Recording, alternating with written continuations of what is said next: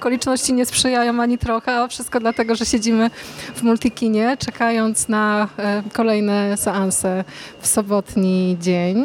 Sobota na Oktopusie i jest ze mną, uwaga, uwaga, gość specjalny. Przedstaw się gościu. Dzień dobry, jestem Kuba z podcastu o filmówce przy kremówce. Tak, ja, chci- ja wspominałam o tobie, bo ja też e, tak sobie przed chwilą rozmawialiśmy, że Kuba na tym Oktopusie to też nagrywa relacje na, na żywo. Po każdym dniu sobie robi podsumowanie, ja też tak robię i w pierwszym dniu przekręciłam tytuł twojego podcastu oczywiście. A to, to, to nie pierwszy raz, bo Szymas też nie, nie, nie był w stanie zapamiętać o jakie ciastko chodzi.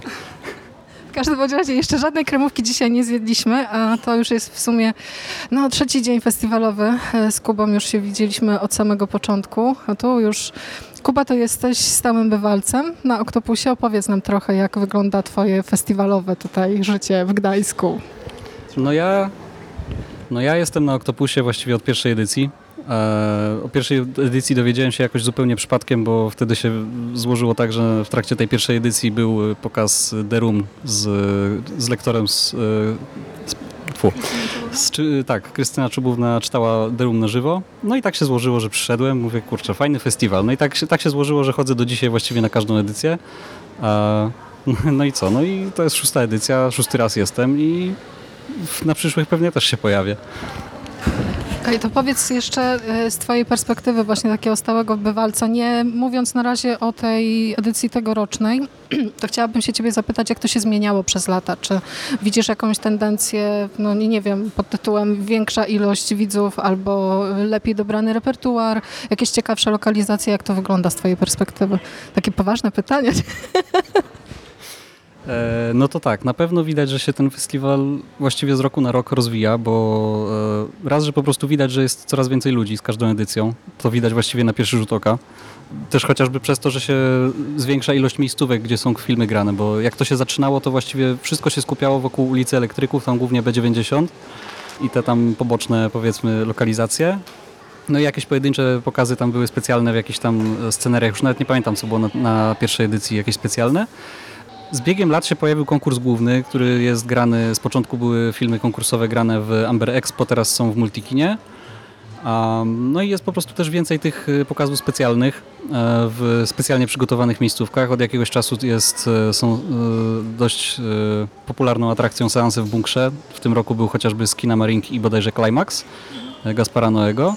Pojawia się też coraz więcej cykli, bo jak to się zaczynało, no to były jakieś pojedyncze cykle, było VHS Hell, który jest właściwie od początku, to jest już taki nieodłączny element tego, tego festiwalu, no ale pojawił się ten konkurs główny, pojawiły się w tym roku krótkie metraże, tak, blog dla dzieci, którego byłem ciekawy jednego filmu, który jest jednocześnie w konkursie głównym, ale niestety nie udało mi się załapać na Pies i Robot, to się bodajże nazywa.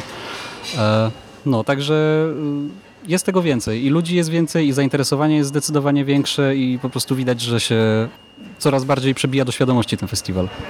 Kuba, ja już tak się śmiałam, bo twardy z ciebie zawodnik festiwalowy, ogarnięty z konkretną rozpiską, z powynotowywanymi filmami, które chcesz, chcesz zobaczyć.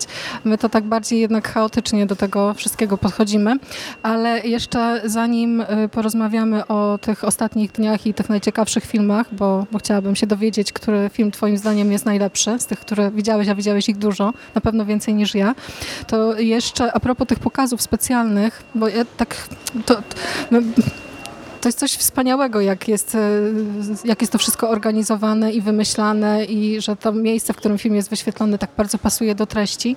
I chciałabym się dowiedzieć e, jakiś taki pokaz taki the best, najlepszy, na którym byłeś i który wspominasz najmilej. Na pewno to nie był maraton horrorów, bo o tym przed chwilą rozmawialiśmy, jakie, jakie rzeczy się, się dzieją na maratonach horrorów. No to teraz w drugą stronę powiedz właśnie, który był najlepszy i który wspominasz tak naj, naj, naj, naj. Tak ze wszystkich edycji? O, no to powiem Ci, muszę się chwilę zastanowić, bo trochę tego było. Mm. Ja też nie bywałem za bardzo na tych takich specjalnych pokazach, w tych takich specjalnie przygotowanych miejscówkach niestety. Jakoś mnie to kompletnie ominęło e, do tej pory, bo e, siłą rzeczy na takie pokazy najczęściej, najszybciej się po prostu wyprzedają bilety. Tak jak w tym roku chociażby był Egzorcysta grany w kościele, co nie dziwię się, że tam bilety się wyprzedały w jakieś 3 sekundy prawdopodobnie. Nikt z nas nie dotarł. Niestety. E, szczerze mówiąc, tak ze wszystkich pokazów e, z całego Octopusa, ciężko jest wybrać jeden, e, jeden taki, który zapada najbardziej w pamięć. Myślę, że najłatwiej, najłatwiej po, prostu powiedzieć, że zawsze najbardziej zapadają w pamięć VHS Hell. Bo to, jest, e, to są takie, film, takie filmowe przeżycia, bo to ciężko nawet mówić o seansie filmu, bo to jest e, projekcja filmu z kasety, który jest przeważnie bardzo zły, albo przynajmniej bardzo interesujący, może tak, i z lektorem na żywo, który improwizuje tekst, który nie, ma tekstu, improwizuje, często wrzuca jakieś żarty, często w ogóle zmienia sens tego filmu i często później się okazuje, że te filmy stają się oglądalne dzięki temu tak naprawdę, więc e, e, takie, takie pokazy zawsze najbardziej zapadają w pamięć. Moim chyba ulubionym do tej pory był pokaz e, coś tam się dzieje. E, Do tej pory ze wszystkich VHS Hell, na których byłem, nie jestem pewny, czy. Ale chyba, chyba mój ulubiony to był e, czwarty Superman, gdzie lektor tak jakoś odbiegł od e, głównej fabuły, że nagle zmieniło się to w opowieść o pakistańskim wypasaczu kus. I ja do, nie mam pojęcia, jak do tego doszło, ale to było naprawdę jedyne w swoim rodzaju przeżycie. Brzmi ciekawie. No dobra, to, e, to tegoroczna edycja Octopusa. E, Zastanawiałam się bardzo nad tym, czy by się nie wybrać na jakiś, e, któryś z tych bloków krótkometrażówek, bo to są jednak też ciekawe produkcje bardzo często z pomysłem kreatywne przez nieznanych twórców. Będzie słychać głosy, bo właśnie skończył się seans i ktoś tutaj wychodzi, ale nie, nie zwracajcie uwagi.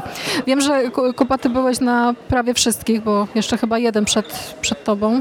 Pokaz krótkometrażówek, no to, to, to poopowiadaj trochę nam o tym, jaki według Ciebie jest poziom, który blok był najciekawszy, bo one też były, rozumiem, poukładane tematycznie, prawda? No i szczerze powiem, że te krótkometrażówki to jest dla mnie strzał w dziesiątkę. To jest dla mnie jak na razie highlight tej tegorocznej edycji, ponieważ e, nie widziałem za dużo filmów z konkursu głównego na przykład, ale z tych, które widziałem, tak naprawdę szczerze podobały mi się naprawdę może dwa. Czy nie widzieliśmy bobrów? To... Jeszcze nie widzieliśmy bobrów, tak, to wszystko się może zmienić. E, ale na krótkometrażówki, tak jak wspomniałaś, chodzę od pierwszego dnia na wszystkie, e, wszystkie bloki. I jak na razie jestem naprawdę super zadowolony, bo te filmy są przede wszystkim bardzo różnorodne. One są podzielone, e, tak jak mówiłaś, tematycznie, że na przykład jednego dnia były grane takie bardziej thrillery, horrory, coś w tym stylu, drugiego dnia bardziej takie historie o poszukiwaniu siebie, swojej tożsamości. Dzisiaj na przykład e, tematem przewodnim było ciało i e, jak nie, nie trudno się domyślić, e, wyszło z tego takie dużo body horroru, bardzo ciekawego i naprawdę bardzo fajnie zrobionego i muszę przyznać, że jak dotąd to te krótkometrażówki to jest mój ulubiony punkt tego, tegorocznej edycji. Bo naprawdę poziom jest super i jest dużo polskich, jest dużo zagranicznych i to też nie tylko anglojęzycznych, bo tak naprawdę z całego świata są produkcje pokazywane.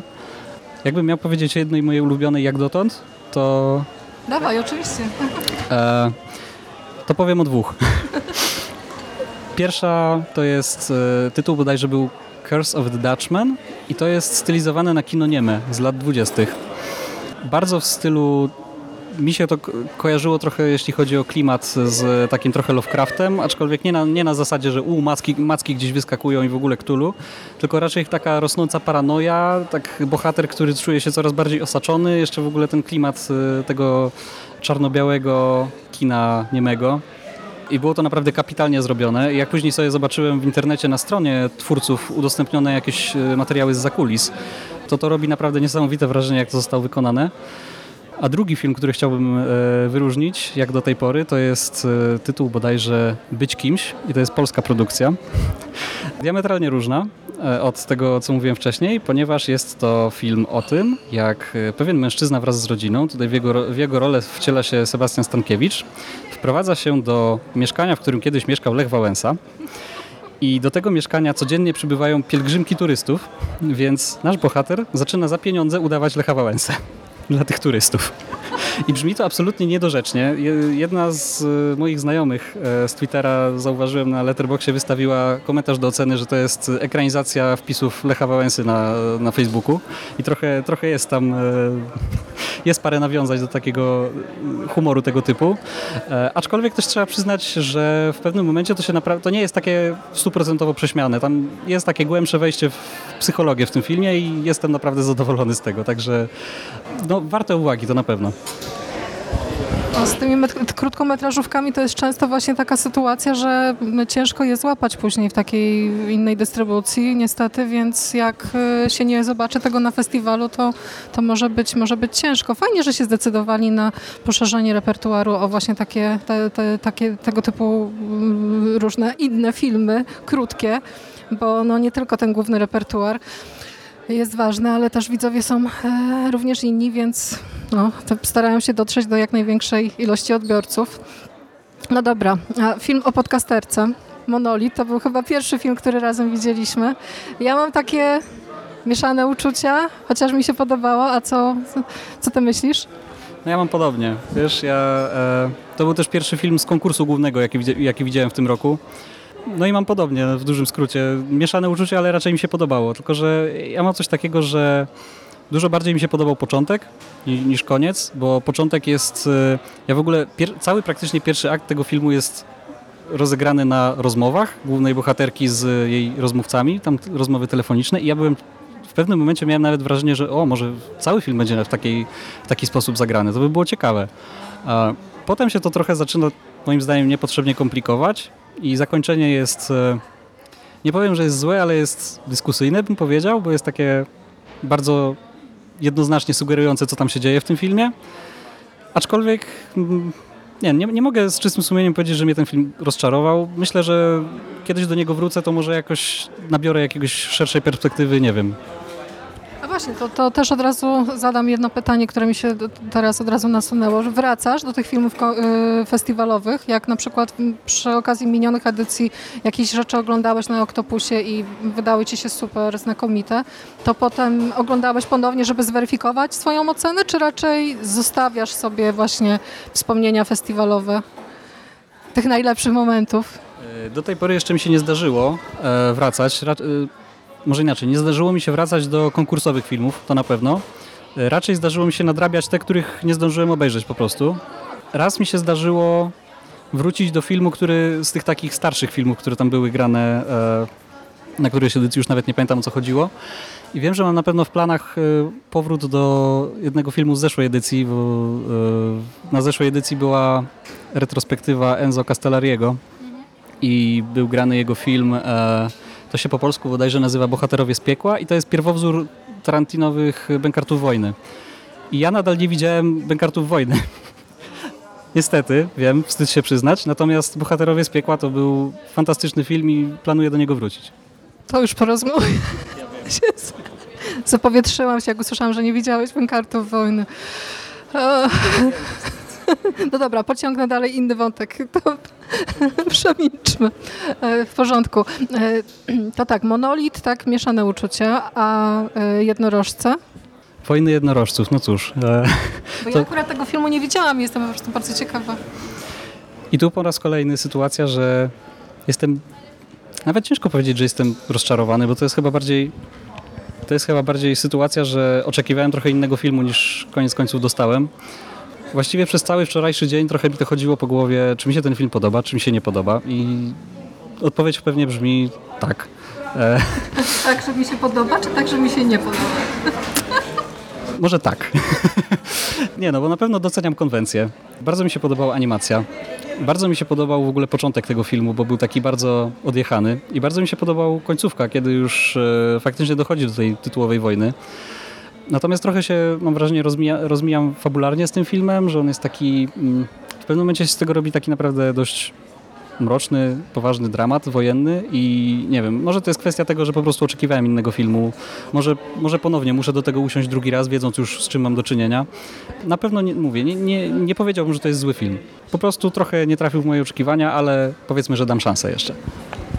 Publiczność Octopusa jest bardziej ukierunkowana na filmy szalone, czy na filmy poważne?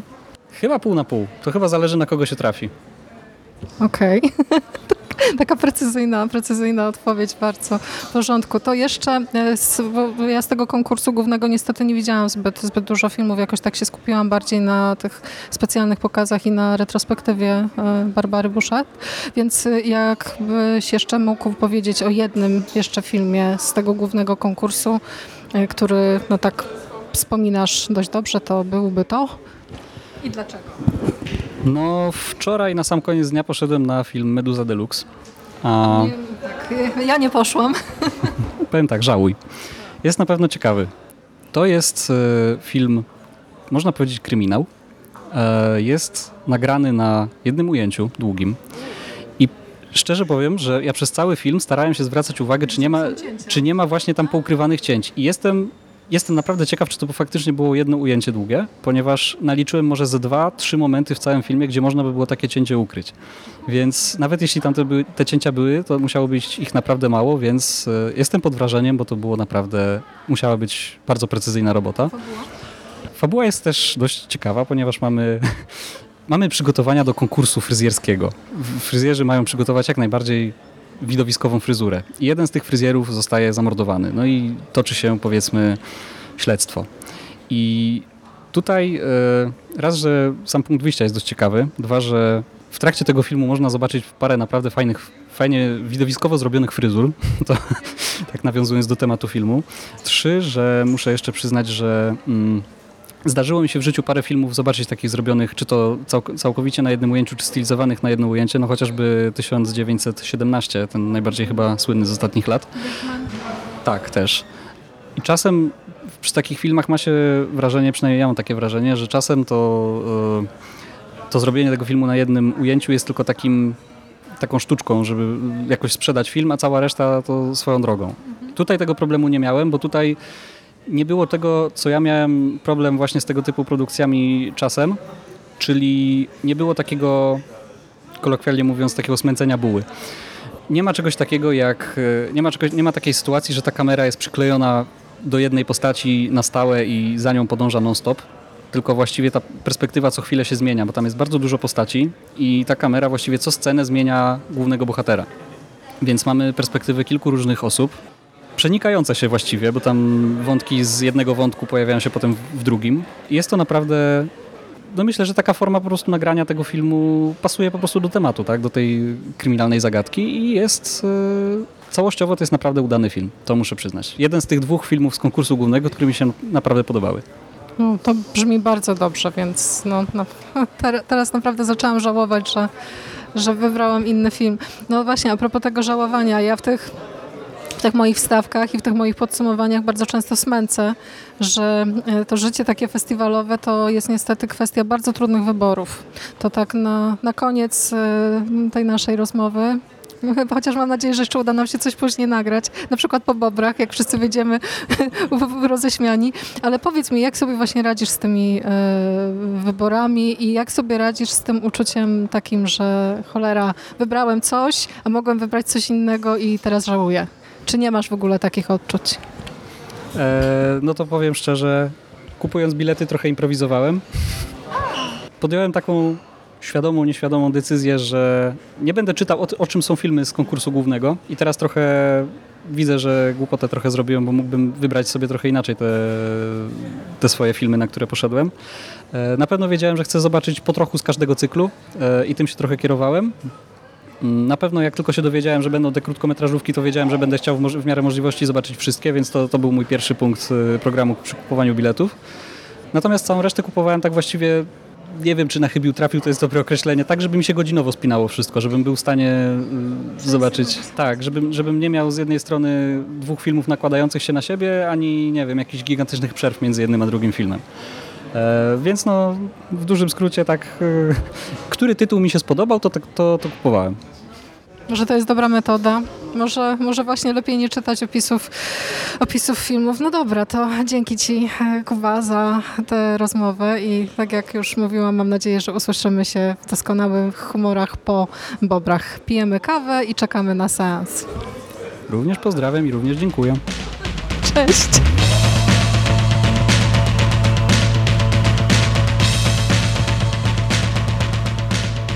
Kompleksowo nowocześnie, profesjonalnie. Festiwalowe pozdrowienia z Gdańska. Jeszcze przypomniałam sobie o jednej kwestii. Nie wiem, kiedy chłopacy to wkleją, zresztą nieważne. Głupi wstęp zrobiłam. E, właśnie, e, jest, Kuba jest z nami cały czas, e, a ja sobie uświadomiłam, że nie zapytałam go o jedną bardzo ważną rzecz, bo fajnie jest wbijać się w festiwal, jak masz kogoś, kto może być dla ciebie takim przewodnikiem, który opowiada co i jak i dlaczego. I zaobserwowałam pewną bardzo ciekawą sytuację tutaj na Oktopusie. Mianowicie pojawiają się przed filmami różne e, reklamy, zajawki, podsumowania wcześniejszych dni i pojawia się też reklama takiej, uwaga, uwaga, lokowanie produktu, firmy, firmy Eurotrend. I właśnie w tym momencie, kiedy pojawia się ta reklama, o tak, słychać oklaski, ludzie krzyczą, wiwatują, ogólny wybuch euforii. Co więcej, w Gdańsku mają też takie reklamy, które mają wersję karaoke i się pokazują napisy i można czytać razem z lektorem tę reklamę Eurotrendu.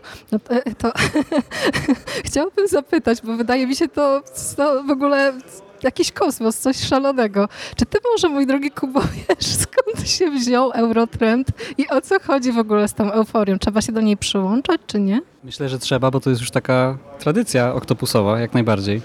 Tak jak ci prywatnie pisałem wczoraj, ja sam do końca nie, nie jestem pewny, skąd się ta, tra- ta tradycja wzięła, ponieważ sam słyszałem już kilka różnych wersji. Miejskie legendy?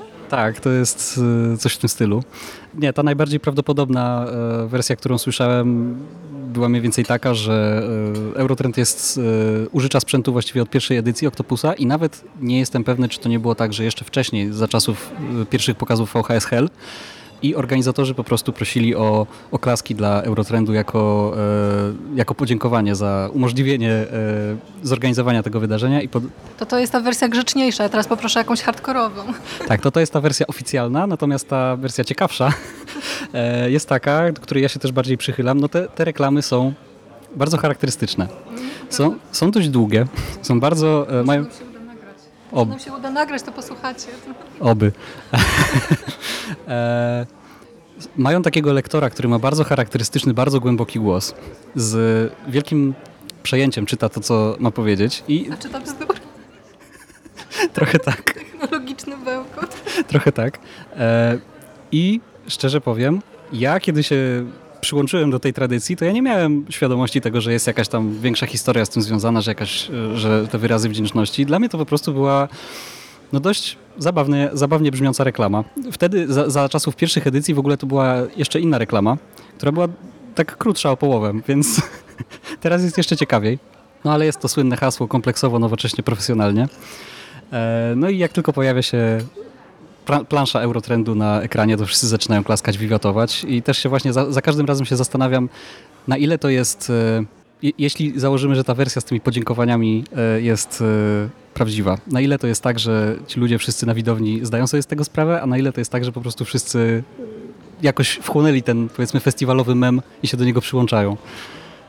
Nie wiem, która wersja jest bardziej prawdopodobna, chociaż ja też na początku, jak zaczęłam się zastanawiać, o co chodzi, to tak mi się właśnie wydawało, że to mogą być po prostu podziękowania dla jakiejś fi- firmy, instytucji, która wspiera całą tutaj tę inicjatywę, więc jak słyszycie, na Oktopusie teorie spiskowe nawet, więc idziemy snuć e, swoje domysły dalej i W tym roku nawet jeszcze poszli o krok dalej i w Octopus w współpracy z Eurotrendem wypuścił specjalne koszulki.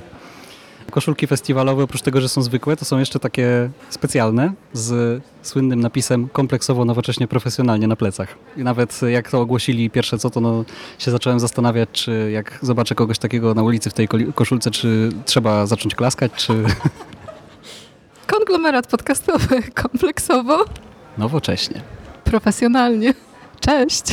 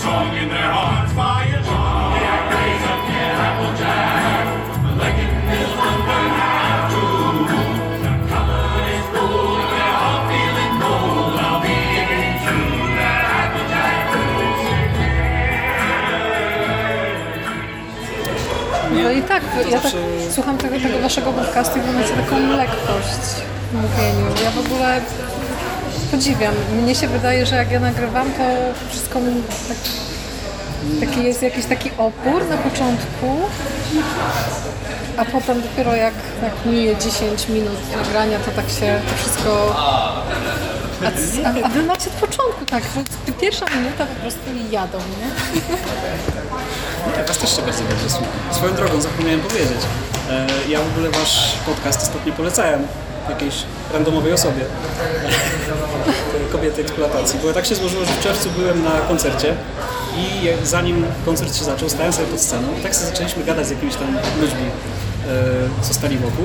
I tak się złożyło, że jedna dziewczyna, która tam była, mówi, że ona właśnie pisze, e, pisze nie pamiętam czy licencjat, czy magisterkę o kinie eksploatacji. I szuka źródeł. Ja mówię, o, słuchaj. No, no i dałem namiary, także mam nadzieję, że skorzysta. Super, dzięki.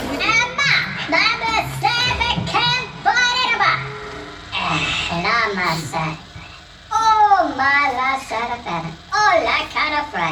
And never let parlor. Oh, that kind of weather. Shema lumba the core. Oh, la malaga tu. Oh, na fuega na poa.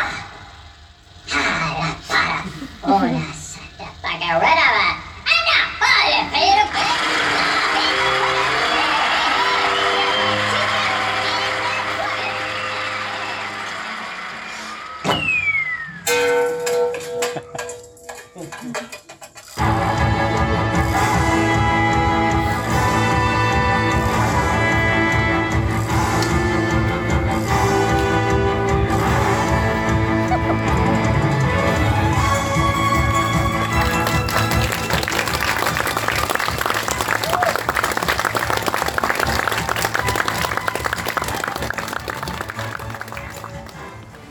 Halo.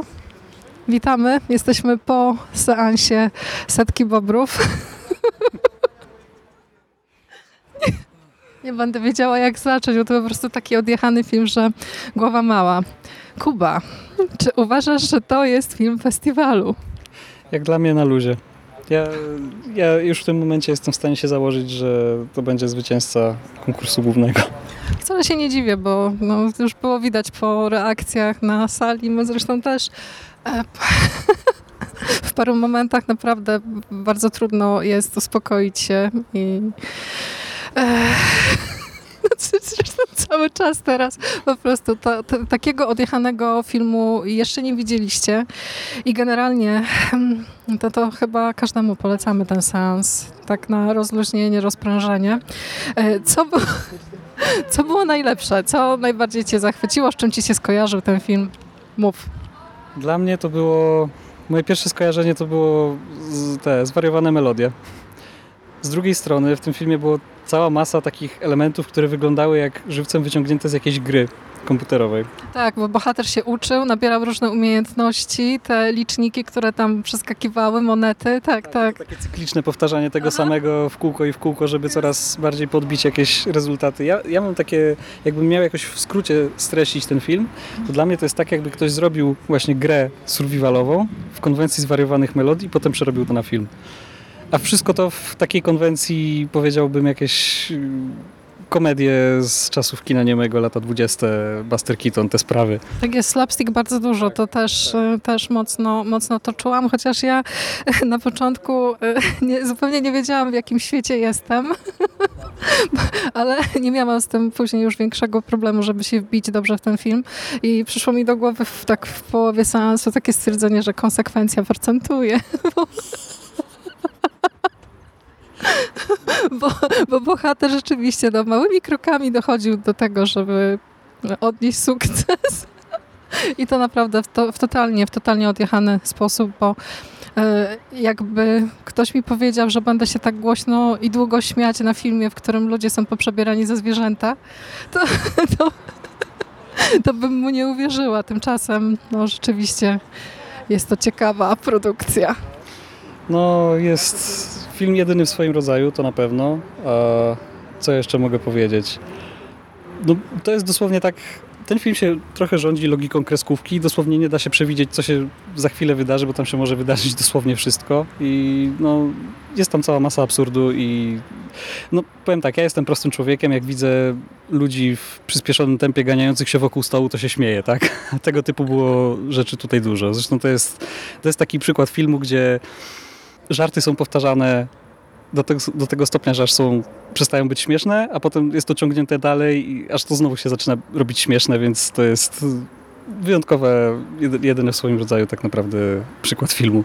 Ja się w ogóle bardzo zdziwiłam, jak zobaczyłam, jaki długi jest ten film, bo wydawało mi się, że im prędkości wystarczy tak na godzinkę, mm, godzinkę 10, a to film, film trwa 108 minut chyba, coś koło tego i rzeczywiście zupełnie nie można się, nie można się nudzić. I to jest też taki przykład filmu, który bardzo mocno dowodzi, że jeśli twórcy mają dobry pomysł, i potrafią go zrealizować nawet w taki no, zwariowany, odjechany sposób, no to sukces gwarantowany.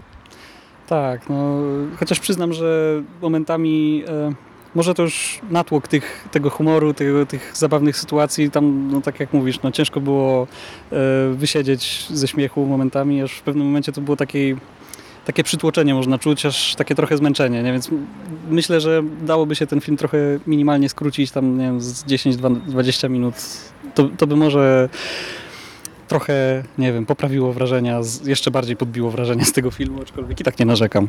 Chciałam powiedzieć, że mogłoby trochę akcji zdynamizować, ale przecież tam się działo tyle, że to no, nie. Ale to też jeszcze jedno takie spostrzeżenie. Wydaje mi się, że w przypadku tego filmu to też bardzo mocno widać, jak e, odbiorcy są różni, bo faktycznie publiczność chichotała w totalnie nieprzewidywalnych momentach. No, to na koniec, jaki żart najbardziej zapadł Ci w pamięci? Bo ja jest tego naprawdę bardzo, bardzo dużo, ale strasznie mocno mnie ubawiły wszystkie sceny z Sherlockiem i z doktorem Watsonem. Sherlock był fantastyczny, aczkolwiek coś, co chyba najbardziej mi zapadło w pamięć, trochę dlatego, że wzięło mnie trochę z zaskoczenia, to te dwa małe króliczki. To było takie... Dość szybko przybrało bardzo brutalny obrót, ale no, tak jak mówię, wzięło z zaskoczenia. No to jak słychać, jesteśmy zadowoleni i to na pewno będzie film festiwalu, bo, bo wszyscy wychodzili roześmiani, już rozumiem o co chodzi. No to dzięki Ci, Kuba. Dzięki. I w takich doskonałych nastrojach koniec na dzisiaj. Do usłyszenia jutro, trzymajcie się, pa, pa, pa. Cześć.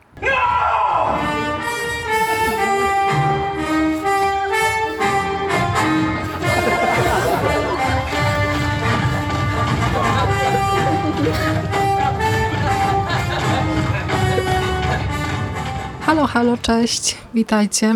Pozdrowienia z Gdańska. Czwarty dzień festiwalu Oktopus, mój czwarty dzień festiwalu Oktopus i jednocześnie ostatni dzień e, pobytu e, w Gdańsku. Powolutku żegnam się już z tym miastem, z miastem, które totalnie mnie zauroczyło, zakochałam się. Zakochałam się. Jest tutaj naprawdę przepięknie, wspaniała atmosfera. Wszystkie te rzeczy, które słyszałam na temat Gdańska i na temat tego, jak to miasto żyje, oddycha, jakie jest fajne, oczywiście z perspektywy turystycznej, no to już doskonale rozumiem te zachwyty i wiem, że mm, też będę do, na pewno należała do takiej grupy turystów, którzy co jakiś czas będą tutaj wracać, będą wspominać, będą spacerować i oglądać zupełnie nowe miejscówki, bo e, Gdańska nie da się poznać tak rzeczywiście w ciągu czterech dni.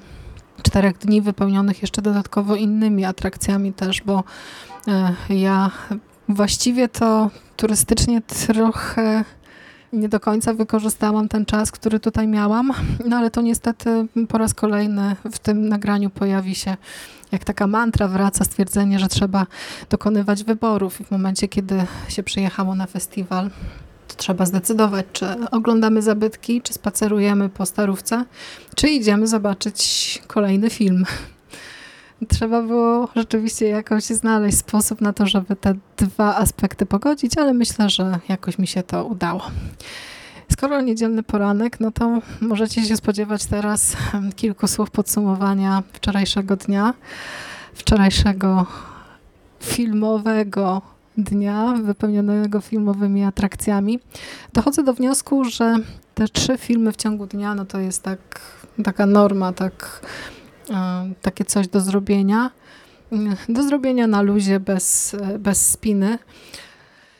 E, I to jest też właśnie taka optymalna chyba liczba filmów, które mm, byłam w stanie przetrawić, e, z tego względu, że e, akurat repertuar Octopusa charakteryzuje się tym, że mamy zestawy naprawdę przedziwne, przeróżnie i skaczemy bardzo dużo z jednej stylistyki w drugą.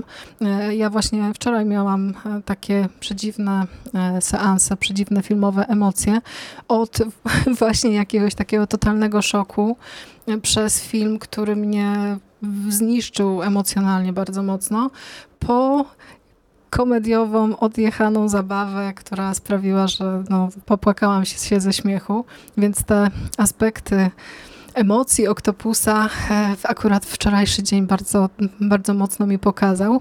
A zaczęliśmy, zaczęliśmy, moi drodzy, o godzinie 14.15 filmem Casino Royale i spotkaniem z Barbarą Bouchet. Tak, retrospektywa tej aktorki na Oktopusie trwa w najlepsze. Jeszcze dzisiaj e, w niedzielę będzie szansa zobaczenia jednego filmu, nie Torturuj kaczuszki. Tu akurat ża- żałuję bardzo, że nie będę mogła e, tego filmu zobaczyć, bo akurat bardzo, bardzo bym chciała, ale niestety będę już w tym, w tym czasie e, czekała na pociąg powrotny do, do domu, więc no, kiedy indziej. Natomiast obejrzali, obejrzeliśmy e, Casino Royale i powiem wam, że ja wiedziałam, że powstają jakieś tam parodie filmów o Jamesie Bondzie. I to takie właśnie legendalne e, parodie, w których e, re- reżyser stwierdza, że no jak nie dajecie mi pełnego prawa do ekranizacji, jak nie mogę się dogadać z ludźmi, którzy powinni robić ten film tak kanonicznie bardzo, no to ja zrobię to po swojemu, zrobię to od rozgrywy. I ten film e, jest naprawdę rzeczą kuriozalną. W ogóle wyobraźcie sobie opowieść o superszpiegu, która ma pięciu reżyserów. No to już jest w ogóle jazda bez trzymanki, bo okazuje się przecież, że każdy reżyser ma swoją wizję, e, że prace na planie trwały około półtora roku e, i nie było scenariusza, albo z drugiej strony scenariusz cały czas się przekształcał, zmieniał. E, Nie było linii dialogowych, wszystko się tworzyło jakby na, na bieżąco. I to bardzo mocno widać e, w przypadku tego filmu, że jest on stylistycznie tak bardzo niedopasowany i odjechany. Jest tu masa przeróżnych pomysłów, które początkowo wydawać by się mogły e, właśnie takim, nie wiem, pewnym przekroczeniem, jak to na filmy z tamtych lat, ale ja się naprawdę ubawiłam też e, znakomicie, szczególnie e, jeśli już się siedzi i ogląda ten film i doczekacie do końca, do tej ko- końcowej rozwałki, no to robi ona naprawdę kapitalne wrażenie i można się, można się też spłakać i kulać ze śmiechu, bo tam jest tyle przeróżnych właśnie dziwnych elementów napakowanych, więc no, polecam. Jeśli jesteście fanami zaskakujących, dziwnych filmów, no to Casino Royale e, jest e, faktycznie taką propozycją, którą warto sprawdzić, warto zobaczyć, czy to jest film e, dla was. No nie zawiedziecie się. No, tam też dobór aktorów jest e, rewelacyjny. Zapomniałam zupełnie, że w tym filmie występował Woody Allen. Jak zobaczyłam go na ekranie, to tak mi się zrobiło właśnie radośnie, bo, bo bardzo go lubię. I też miał mm, drobny epizod, ale taki no, bardzo wyrazisty. Bardzo wyrazisty, bardzo alenowski, bardzo zwariowany, także Casino Royale jak najbardziej. Zostaliśmy też na spotkaniu z Barbarą Buszet po filmie. Była taka króciutka sekcja e, Q&A, podczas której aktorka właśnie opowiadała trochę o tym, jak, jak wyglądała ta praca na planie, jak się zmieniał ten scenariusz, jak to wszystko się przekształcało, e, jak bardzo oni nie wiedzieli, co robią. E, Opowiadała też trochę o o tym, jak to się stało, że nie zagrała w Bankartach Wojny, chociaż Quentin Tarantino jest jej, e, wielkim fanem. Udało mi się, myślę, nagrać e, może, może nawet w dobrej jakości m, część te, tego spotkania, więc pewnie gdzieś tam będziecie mieli okazję albo e, odsłuchać teraz, albo już słuchaliście wcześniej. Dobra, potem Multikino. Multikino i konkurs główny. I znowu był oczywiście problem polegający na tym, że e, dwa filmy, które tutaj wybrać. Na celowniku mieliśmy mm, Światłonoc i Dobrego Pieska. Światłonoc mm, bardzo dobre opinie e, zbiera, bardzo dobre recenzje, gdzieś tam trafiłam w internecie. No ale z drugiej strony tak sobie pomyślałam, że no kolejny folk horror, coś tam czarownice, a może jednak niekoniecznie. Natomiast Dobry Piesek, e, norweska produkcja, wyglądała na coś mm, naprawdę nieprzewidywalnego, na taki film, o którym no nic nie wiadomo, nie wiesz jak fabuła pójdzie, w którą stronę. Bo jest to opowieść o Christianie, i Singrid, młodych ludziach, którzy gdzieś tam przez internet się poznają, zaczynają budować związek, no ale coś w tym związku jest takiego, że no, niepokoi, uwiera bardzo mocno. E, jest też oczywiście kuriozalny pomysł, ponieważ razem z Christianem mieszka Frank. Frank jest facetem przebranym w kostium psa. Udaje psa, zachowuje się jak pies, jest psem, no i właśnie ten element dziwności w takich pozornych jakichś opowieściach miłosnych, to jest już taka, takie drobne ziarenko, które sprawia, że widz odczuwa jakiś zaskakujący niepokój. Ja od samego tego, od samego rozpoczęcia seansu czułam się tak jakoś dziwnie spięta. Może to dlatego, że e, ja się spodziewam, jakie filmy robią Skandynawowie, jak to oni czasami potrafią tą stylistyką mm, gdzieś tam szarżować, jak y, czasami łączą te elementy jakiegoś takiego czarnego, zaskakującego humoru, pewnego absurdu z jakimiś takimi ciężkimi bardzo tematami. I w przypadku Dobrego Pieska to jest właśnie niestety, a może stety, taki film, który no, psychicznie bardzo mocno mnie zmęczył. Wychodziłam z seansu po prostu przytkana, nie chciało mi się nic, nie miałam ochoty mówić o tym filmie.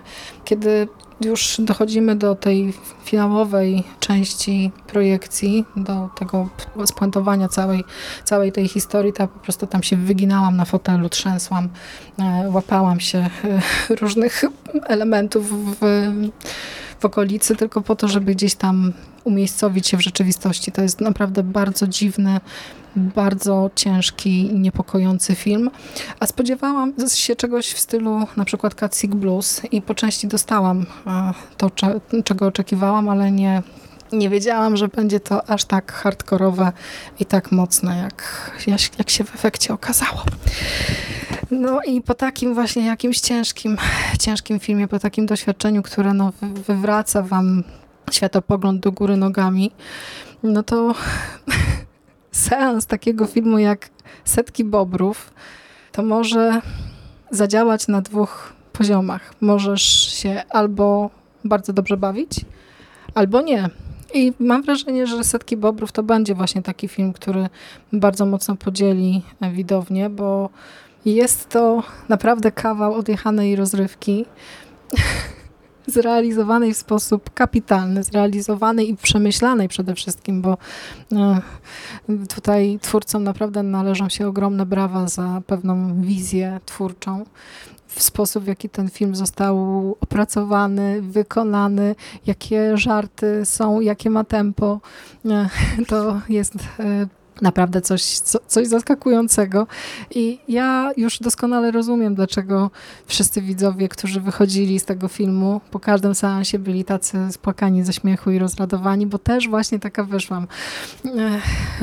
Porozmawiałam tak na szybko z Kubą o e, bobrach. Także gdzieś tam pewnie będziecie mogli usłyszeć naszą ekscytację i, i śmiech, więc e, żeby się nie powtarzać, to ja dzisiaj z nocnej perspektywy, z tym jak się przespałam z tym filmem, to powiem, że no, nadal jest fantastycznie i jestem pewna, że Setki Bobrów obejrzę jeszcze nie raz. Chyba właśnie w takich jakichś momentach, kiedy będzie mi wyjątkowo smutno, bo to jest po prostu taki absurdalny film. Taka głupkowata zabawa. I jednocześnie coś takiego, co bardzo mocno bawi się pewnymi filmowymi schematami, więc no tak, setki bobrów, ogromny kciuk w górę.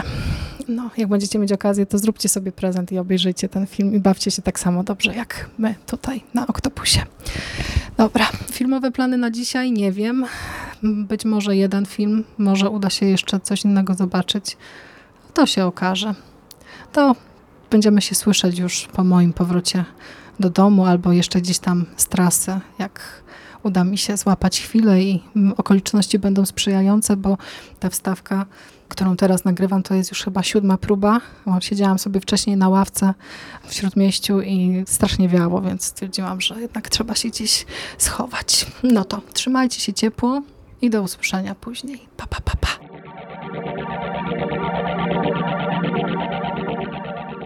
Ostatni film.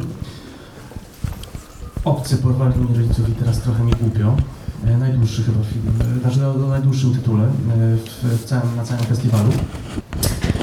I to jest film, który w tym cyklu chyba najbardziej pasuje do tego korowego mm, programu Octopusa, czyli dobre kino mm, gatunkowe z lat 60., 70., 80., bo widać, że reżyser tego filmu, Jake Van Wagoner, jest fanem tego kina, szczególnie tego kina amerykańskiego lat 80., 70., czyli kina nowej przygody, kina, y, do którego chyba wszyscy lubimy wracać i cały czas budzi w nas y, ciepłe uczucia i starzeje się wyjątkowo mm, dobrze. Film miał premierę swoją, swoją e, pół roku temu na festiwalu tegorocznym e, w Sundance i tam został również, e, znaczy również, nie wiem, mam nadzieję, że go równie ciepło e, przyjmą na e, Octopusie. I jest to właśnie wszystko, co z tego kina e, e, znamy, czyli e, charakterystyczna muzyka, ujęcia, temat, obcy, którzy gdzieś pojawiają się i młodzi ludzie muszą sobie z nimi poradzić. Jest też duży tutaj wątek oczywiście jednego z moich ulubionych gatunków, czyli kina amerykańskiego college'owego, czyli mamy szkołę, high school i tych wyrzutków z tego głównego nurtu, czyli sportowców, szkoły piękności. Bohaterowie, e, e, bohaterka główna i bohater są właśnie takimi e, na marginesie tych wszystkich rzeczy postaciami, które w związku z tym się dobrze ze sobą, chociaż początkowo nie oczywiście, dogadują. Więc to ostatni niestety film Ośmiorniczek. Bardzo dziękuję wszystkim z Was, którzy regularnie na ten cykl uczęszczali. Mam nadzieję, że Ośmiorniczki wrócą za rok na Octopusa, a średnia wieku na widowni będzie jeszcze niższa.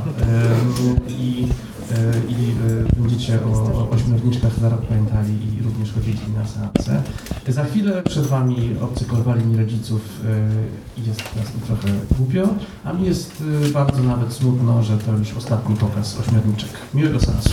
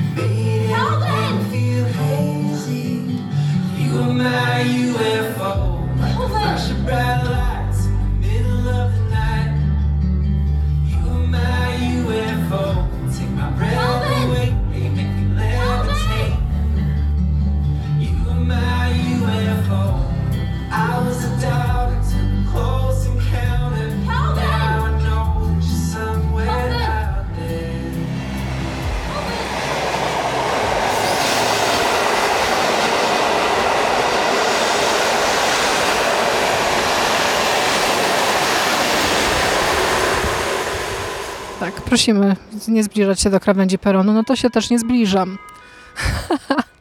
Pociąg objęty jest rezerwacją miejsc. Planowy odjazd pociągu o godzinie 23.00. To są jaja, bo zawsze jak y, trzeba usłyszeć komunikat wyraźny, to go nie słychać, a dzisiaj wyraźnie. Zostaną włączone wagony ze stacji Ustka. Prosimy zachować ostrożność. Tak, Jerry, najwyżej wytniesz te komunikaty, albo nie, albo spróbuję znaleźć jakieś inne miejsca, chociaż nie będzie to łatwe, bo wszędzie gadają. Pociąg kończy bieg. Prosimy zachować ostrożność i nie zbliżać się do krawędzi peronu. Witajcie moi drodzy. Wybiła godzina 23. Za nieco ponad kwadrans pociąg, w którym właśnie siedzę, wyruszy w ostatni etap podróży, czyli prosto do Wągrowca. Moja gdańska przygoda właśnie dobiega końca. Już jestem na ostatnim etapie, ostatnia prosta w drodze do domu. No ale buzują we mnie cały czas emocje i postanowiłam, że skoro mamy chwilkę, to może uda mi się w spokoju, bez przejeżdżających pociągów, nagrać dla Was parę słów podsumowania tego ostatniego oktopusowego dnia. Na samym starcie muszę powiedzieć, że ta impreza była tak wspaniała, jak sobie ją wyobrażałam, czytając relacje i oglądając zdjęcia z poprzednich edycji. Okazuje się, że ten festiwal to jest coś skrojone zupełnie pode mnie. To jest coś dopasowane w 100% do tego, jak ja widzę kino, jak ja chciałabym postrzegać materię filmową, w jaki sposób chcę być elementem tego całego fenomenalnego spektaklu, którym jest emisja filmu, seans filmowy. Bo choć mm, do tej pory miałam mieszane uczucia, jeśli chodzi o takie żywe reagowanie, bo czasami mnie to rozpraszało, wybijało z rytmu, no to podczas tych oktopusowych seansów jednak do pewnego stopnia wczuwałam się w klimat i jakieś żywiołowe reakcje widowni absolutnie mi nie przeszkadzały. E, To są fantastyczne miejsca. Cały ten festiwal jest zresztą w moim odczuciu robiony przez ludzi z ogromną pasją, z jakąś tam wizją, z jakimś pomysłem, bo wystarczy spojrzeć sobie chociażby na, na te miejsca, w których filmy były wyświetlane, na całe to, całą tę otoczkę, którą te projekcje były obudowane. Seans okryty, seans na falochronach. Wow! Przestrzenie stoczni, e, klub B90 i klub Disney Grizzly, które są no, z takim sercem, bijącym sercem festiwalu, e, tą główną miejscówką. Fantastyczne, fantastyczne rzeczy. E, Dzisiaj udało mi się obejrzeć tylko jeden film, jeden jedyny, za to za to z bloku e, premierowego skierowanego dla nieco młodszych odbiorców, czyli z tej sekcji zatytułowanej Ośmiorniczki. Film nosił tytuł mm, Obcy porwali mi rodziców i jest mi trochę głupio. tytuł bardzo zabawny i właściwie też takiego nieco zwariowanego filmu oczekiwałam. A co dostaliśmy w efekcie? No, miks kina nastoletniego e, połączonego z opowieściami o kosmitach, o porwaniach przez kosmitów, więc dla fanki archiwum Mix takie historie no jak najbardziej wczułam się w to wszystko. E, To bardzo taki sympatyczny film, taki pocieszny, radosny, e, z jakąś tam puentą, z trudnymi tematami i z takim wypływającym z niego z wypływającą z niego nauką, że wszystko będzie dobrze, że bez względu na to, jacy szaleni jesteśmy, no to e, i tak znajdzie się ktoś, kto w to nasze szaleństwo uwierzy i będzie się nam ta- starał pomóc, więc przekaz jak najbardziej e, no, ważny i treściwy. E, Można mieć e, drobny problem, jeśli chodzi o bohaterów i pewne rozwiązania fabularne. Nie wszystkim się ten film podobał, ale mnie akurat jakoś tak właśnie na to zamknięcie festiwalu po tych przeróżnych emocjach e, przydało się właśnie też coś, coś takiego nietypowego. Takie znajome rewiry właśnie tego kina o nastolatkach, kina o mm, liceum, kina o przeprowadzce do małego miasteczka, podlane jeszcze właśnie takim sosem przygody i, i tych opowieści o kosmitach, no to no, perełka, mała perełka, bardzo fajny seans. I to był koniec. I to był ostatni film, jaki obejrzałam. Potem to już nastawiłam się typowo właśnie na poznawanie nowych e, osób, poznawanie nowych ludzi, bo Oktopus to przede wszystkim, przede wszystkim ludzie, przede wszystkim osoby, z którymi można porozmawiać, powymieniać się gdzieś tam od razu na gorąco e, opiniami. E, bardzo fajne spotkanie, za, dość zaskakujące, bo miałam okazję poznać i spędzić trochę czasu z Karoliną Kostylą z kolektywu Final Girls. Pozdrawiam Cię Karolina gorąco.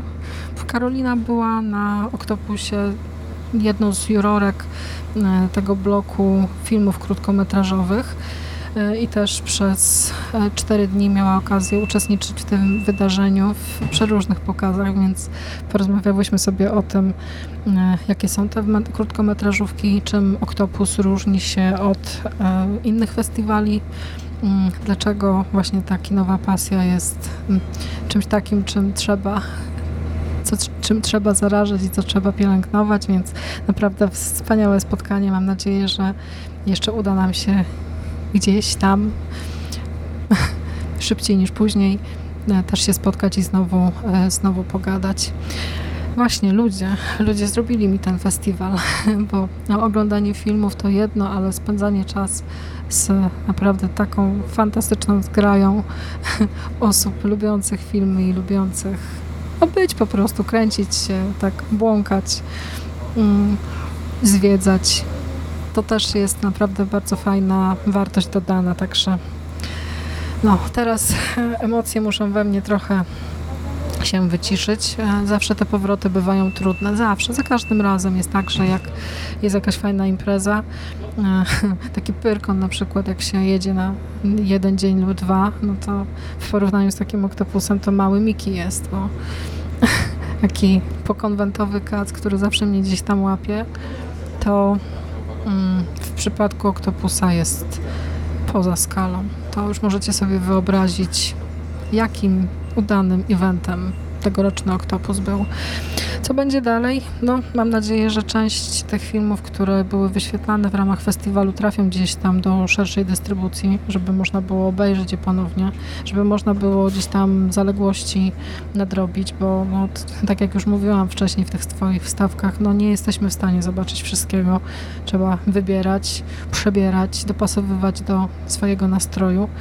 Mm, Ale mam nadzieję, że na przykład taka perełka jak Setki Bobrów trafi gdzieś tam do, do polskich kin, do szerszej dystrybucji, bo no, ten Oktopus ma nosa do ciekawych filmów, do takich filmów zwariowanych i no właśnie o to w tym wszystkim chodzi.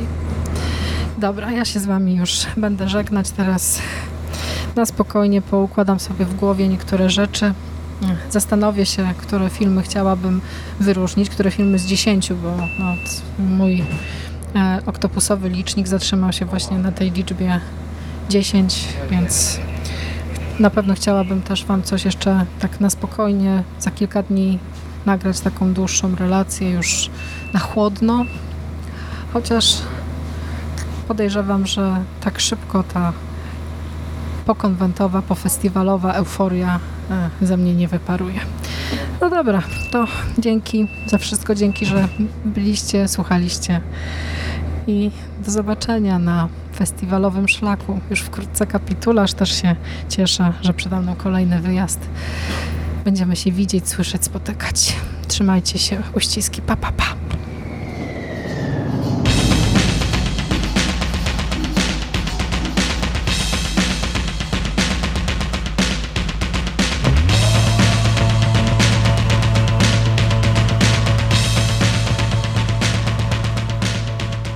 Kompleksowo. Nowocześnie, profesjonalnie. Hey, if we manage to do it, because you saw with all those people and all the things, they, you know, this one has to shoot and that one has to ride a horse and that one has to fall over here and fall over there and get punched out and wow, big mess. they built a lot of other sets, which then, strangely enough, were torn down without ever being used. Uh, uh, biggest waste of money I have ever seen on a biggest waste. But uh, wow, it was quite exciting, I have to say, meeting all these great actors that um, I didn't work with all of them, obviously, but I met them. And uh, my favorite, of course, was uh, David Niven, who was my partner in crime here. And um, the women, beautiful women, Ursula and Dalia, Dalia Lavi, Joanna Pettet, all these Bond girls, beautiful girls. It was uh, it was quite a quite a show, quite a show. I mean, I haven't done one since that that way, obviously. And uh, as you know, it's a spoof. It's not. It wasn't considered a James Bond movie. It was owned by the same person who. Uh, uh, written by the same person, but owned by one other person, by Broccoli. He owned that one script, so it wasn't considered like all the others, you know. So, uh, and uh, he made a spoof out of it. Uh, what else can I? What, what else do you want to know? I actually wanted to ask you about the production aspect of, of it because from what I've read, the film had five different directors, right? Exactly. Mine was uh, Val Guest. Well, you can tell it's five different directors. it's like everybody did their whole thing and then they put it together and made a mess out of it, but whatever. It was, that's what it is, you know. Mine was Val Guest. So how did it happen that the film, because the film had five different directors and it doubled the production budget, right? Right. So uh, the, the, from what I've read, they spent so much on those sets then that they spent twice as much as they intended to. Oh, I'm sure. I'm sure, I'm sure they spent a lot of money. I mean, just to build these sets and then tear them down and don't use them, it's unheard of, it's unheard of. But I guess at the time, they had the money to do it.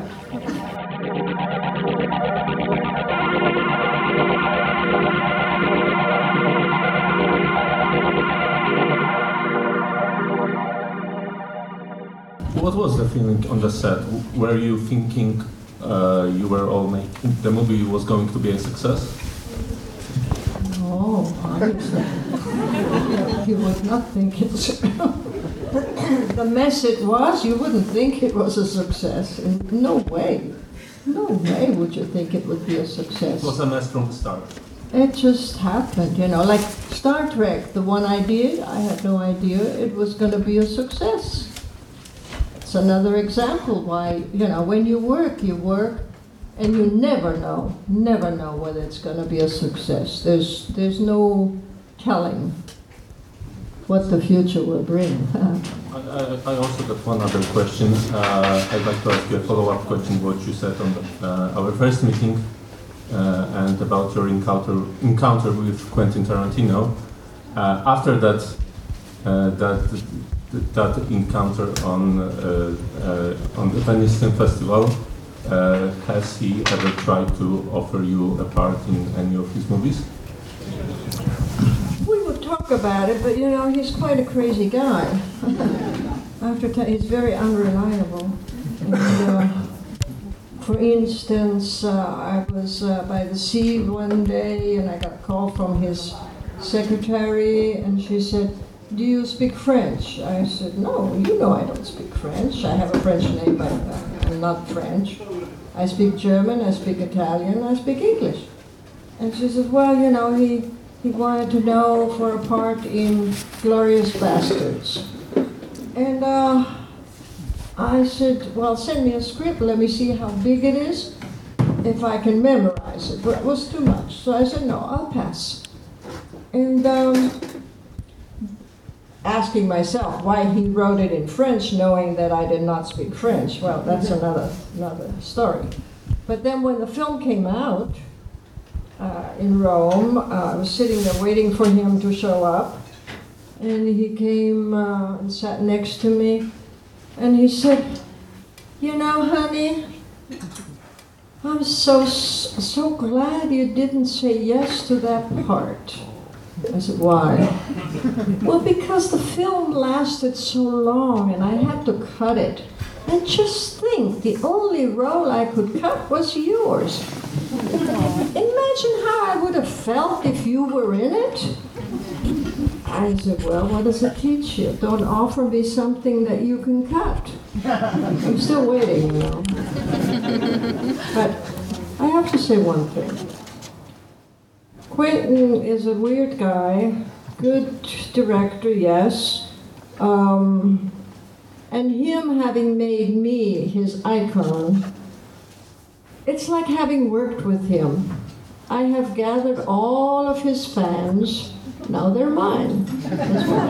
And I never worked with them. But it's the same as if I did. Because his fans are my fans. So, okay, I'm fine.